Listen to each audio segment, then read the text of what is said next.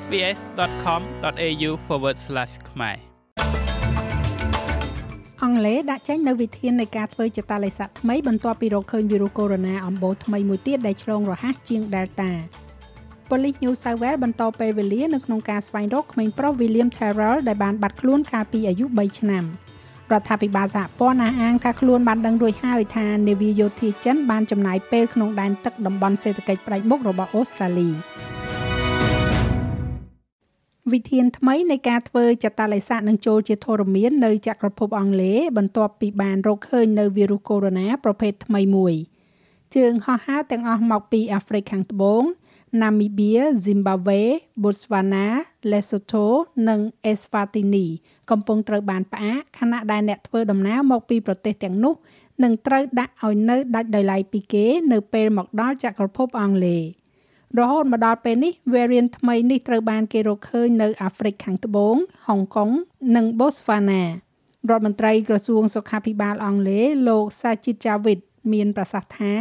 អ្នកវិទ្យាសាស្ត្រមានការព្រួយបារម្ភយ៉ាងខ្លាំង។ I've been updated on this variant ខ្ញុំត្រូវបានអាប់ដេតអំពី variant នេះដោយទីភ្នាក់ងារសន្តិសុខសុខាភិបាលចក្រភពអង់គ្លេសហើយឥឡូវនេះពួកគេបានកំណត់ថាវាជា variant ដែលកំពុងស៊ើបអង្កេត ការចង្អុលបង្ហាញដំបូងដែលយើងមានអំពី variant នេះគឺថាវាអាចឆ្លងបានយ៉ាងច្រើនជាង variant Delta ហើយវ៉ាក់សាំងដែលយើងមាននាពេលបច្ចុប្បន្ននេះអាចនឹងមានប្រសិទ្ធភាពតិចជាងចំពោះ variant នេះប៉ុន្តែសម្រាប់ប្រទេសអូស្ត្រាលីវិញអាជ្ញាធរសុខាភិបាលបានច្រានចោលនៅការហាមឃាត់ការធ្វើដំណើរពីប្រទេសអាហ្វ្រិកខាងត្បូងដោយសារតែ variant ថ្មីនេះ មានករណីឆ្លងថ្មីនៃវីរុសកូវីដ -19 ចំនួន1362នាក់នៅក្នុងរដ្ឋ Victoria ក្នុងរយៈពេល24ម៉ោងកន្លងមកនេះនិងមានមនុស្សស្លាប់7នាក់ទៀត។វាកើតឡើងនៅពេលដែលការចាក់វ៉ាក់សាំងជាកំហិតចូលជាធរមាននៅក្នុងរដ្ឋ Victoria នៅថ្ងៃសុក្រនេះចំពោះគ្រប់គ្នាដែលត្រូវត្រឡប់ទៅធ្វើការនៅកន្លែងធ្វើការងារវិញ រួមបញ្ចូលទាំងអ្នកធ្វើការស្ម័គ្រចិត្តនិងសិស្សហាត់ការងារផងដែរ ការស្ទង់មតិរបស់ Roy Morgan បានរកឃើញថា76%នៃប្រជាជនក្នុងរដ្ឋ Victoria ដែលបានស្ទង់មតិ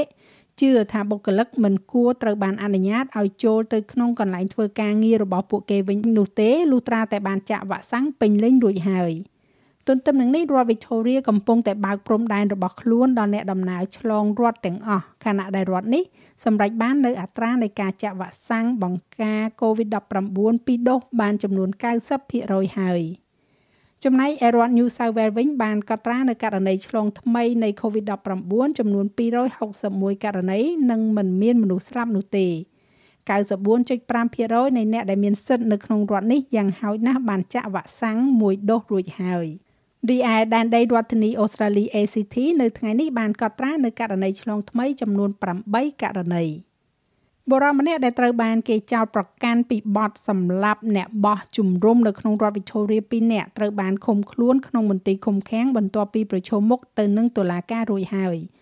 លោក Gregory Lynn អតីតអ្នកបើកយន្តហោះអាយុ55ឆ្នាំម្នាក់ត្រូវបានចោទប្រកាន់ពីបទឃាតកម្មទៅលើ Russell Hill និង Carol Clay ដែលត្រូវបានគេប្រទះឃើញចុងក្រោយនៅ Wonnagata Valley ក្នុងខែមីនាឆ្នាំ2020លោកលីនបានប្រឈមមុខនឹងតុលាការ Cell Magistrate Court តាមរយៈវីដេអូ link នៅព្រឹកនេះសម្រាប់សាវនាការលើសំណុំរឿងហើយត្រូវបានបញ្ជូនទៅកាន់តុលាការនៅខែមេសាក្រោយ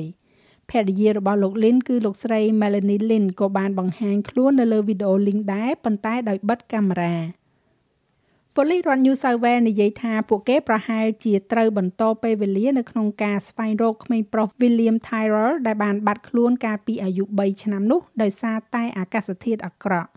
ភ្លៀងធ្លាក់ខ្លាំងនិងព្យុះផ្គររន្ទះបាននឹងកំពុងរារាំងការស៊ើបអង្កេតលើការបាត់ខ្លួនរបស់ក្មេងប្រុសដែលត្រូវបានគេឃើញចុងក្រោយនៅតំបន់ Kendall នៃរដ្ឋ New South Wales កាលពី7ឆ្នាំមុន ការស្វែងរកជាថ្មីនេះឥឡូវកំពុងឈានចូលដល់ថ្ងៃទី12ហើយហើយក្រុមស៊ើបអង្កេតបានបញ្ជូនវត្ថុមួយចំនួនយកទៅធ្វើការវិភាគសម្រាប់ផ្នែកកសលវិច័យនាយបញ្ជាការខាងផ្នែកឧក្រិដ្ឋកម្មថ្នាក់រដ្ឋលោក Darren Bennett និយាយថាអ្វីដែលពួកគេបានរកឃើញរហូតមកទល់នឹងពេលនេះគឺលមមគ្រប់គ្រាន់ដើម្បីឲ្យមានការស្វែងរកជាបន្តទៀតប៉ុន្តែអាកាសធាតុគឺមិនអំណោយផលទាល់តែសោះ So the update is ដូច្នេះបច្ចុប្បន្នភាពគឺថាការស្វែងរកនឹងបន្តវាពិតជាត្រូវប្រឹងប្រែងខ្លាំងណាស់វាជាការលំបាកតែយើងសប្បាយចិត្តខ្លាំងណាស់ជាមួយនឹងការរីកចម្រើនរហូតមកទល់នឹងពេលនេះហើយយើងពេញចិត្តជាមួយនឹងទីកន្លែងដែលយើងកំពុងរុករកប៉ុន្តែมันមានព្រឹត្តិការណ៍ដ៏អស្ចារ្យណាមួយដែលត្រូវបានរាយការណ៍នៅថ្ងៃនេះទេ ក្រៅតែពីការនិយាយថាការស្វែងរកអាចនឹងត្រូវបានបន្តលើសពីពេលវេលាដែលយើងកំណត់ពីដំបូង រដ្ឋាភិបាលសហព័ន្ធបានអះអាងថាខ្លួនបានដឹងហើយថានាវាយោធាចិនបានចំណាយពេលវេលានៅក្នុងដែនទឹកតំបន់សេដ្ឋកិច្ចផ្ដាច់មុខរបស់ប្រទេសអូស្ត្រាលី។កាសែត News Corp កំពុងរាយការណ៍ថាកប៉ាល់ចារកម្មបានចំណាយពេលជិត3សប្តាហ៍នៅក្នុងដែនទឹកអូស្ត្រាលីធ្វើដំណើរពីទីក្រុង Darwin ចុះទៅកាន់ទីក្រុង Sydney ក្នុងខែសីហានៅក្រោមច្បាប់នៃការធ្វើនាវាចរ វាគឺជារឿងស្របច្បាប់សម្រាប់នាវាបរទេសចូលមកក្នុងតំបន់សេដ្ឋកិច្ចផ្ដាច់មុខរបស់ប្រទេសមួយផ្សេងទៀតដរាបណាពួកគេស្នាក់នៅលើសពី12ម៉ាលពីឆ្នេរសមុទ្ររដ្ឋមន្ត្រីក្រសួងមហាផ្ទៃលោកស្រី Karen Andrews បានប្រាប់ ABC ថារដ្ឋាភិបាលមិនមានគម្រោងដាក់ពាក្យបណ្ដឹងជាផ្លូវការណាមួយជាមួយប្រទេសចិននោះទេ លោកនាយករដ្ឋមន្ត្រី Scott Morrison និយាយថាអូស្ត្រាលីនឹងមិនលូកដៃនៅក្នុងកិច្ចការនយោបាយផ្ទៃក្នុងនៅកោះ Solomon ទេខណៈដែលខ្លួនជួយឲ្យប្រទេសតូចមួយនេះស្ដារសន្តិភាពធ្នាប់ឡើងវិញប្រទេសនៅកោះ Pacific ខាងត្បូងមួយនេះបានមើលឃើញនៅភាពចលាចលស៊ីវិលរយៈពេល2ថ្ងៃរួមទាំងការធ្វើកុបកម្មនិងលួចប្លន់ជាមួយនឹងប្រជាជនមានការខឹងសម្បាចំពោះអំពើពុករលួយរបស់រដ្ឋាភិបាលនិងការផ្លាស់ប្ដូរភក្តីភាព ពីតៃវ៉ាន់ទៅប្រទេសចិននាយករដ្ឋមន្ត្រីរបស់ Solomon លោក Manasseh Sogavare បានស្នើសុំជំនួយអូស្ត្រាលីដើម្បីអនុវត្តការបិទគប់ប៉ុន្តែមានការព្រួយបារម្ភមួយចំនួនដែលអាចត្រូវបានគេមើលឃើញថាជាការកាន់ជើងនៅក្នុងនយោបាយផ្ទៃក្នុង។លោក Morrison មានប្រសាសន៍ថាមន្ត្រីប៉ូលីសសហព័ន្ធអូស្ត្រាលី23នាក់បានមកដល់ទីក្រុង Honiara កាលពីយប់មិញដោយ15នាក់ទៀតនឹងមកដល់តាមក្រោយនៅថ្ងៃនេះ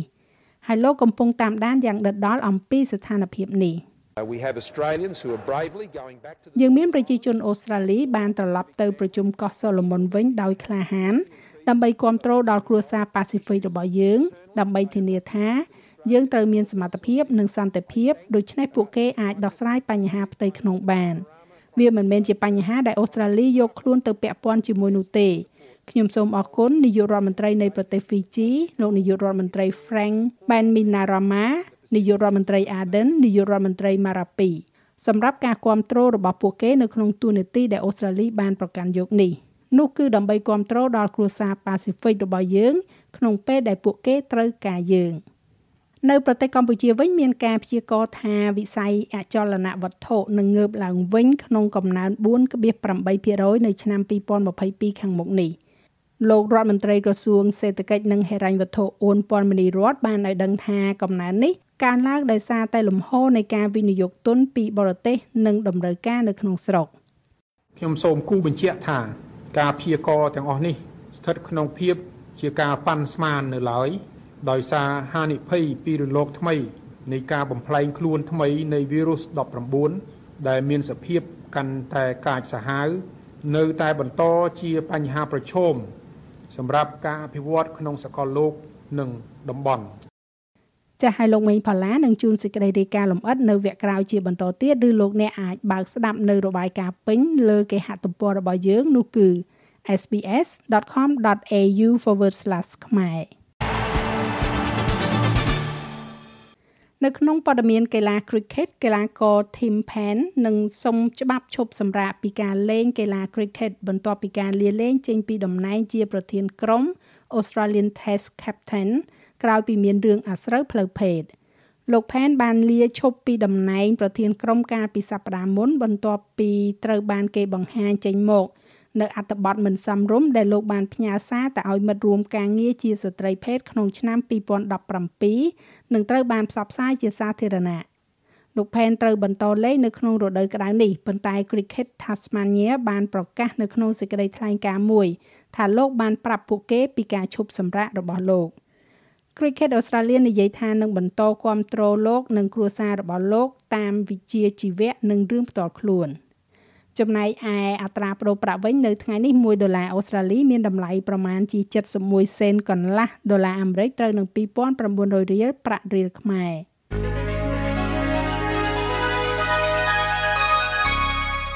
ឥឡូវយើងក៏លេខមកមើលការព្យាករណ៍អាកាសធាតុសម្រាប់ថ្ងៃសៅរ៍ស្អែកនេះវិញ នៅទីក្រុងផឺតបើកថ្ងៃល្អ36អង្សា នៅអាដាលេដដូចគ្នាដែរ24អង្សា នៅមែលប៊នមានពពកដោយពេល21អង្សាហូបាតពពកដោយពេលដូចគ្នា18អង្សា នៅ Canberra អាចនឹងមានរលឹម16អង្សា ទីក្រុង Sydney រលឹម20អង្សា នៅ Brisbane រលឹមដែរ28អង្សា នៅ Cairns រលឹមដូចគ្នា32អង្សា នៅ Darwin រលឹមអាចនឹងមានព្យុះ32អង្សា ទីក្រុងភ្នំពេញក៏មានរលឹមបន្តិចបន្តួចដែរ29អង្សា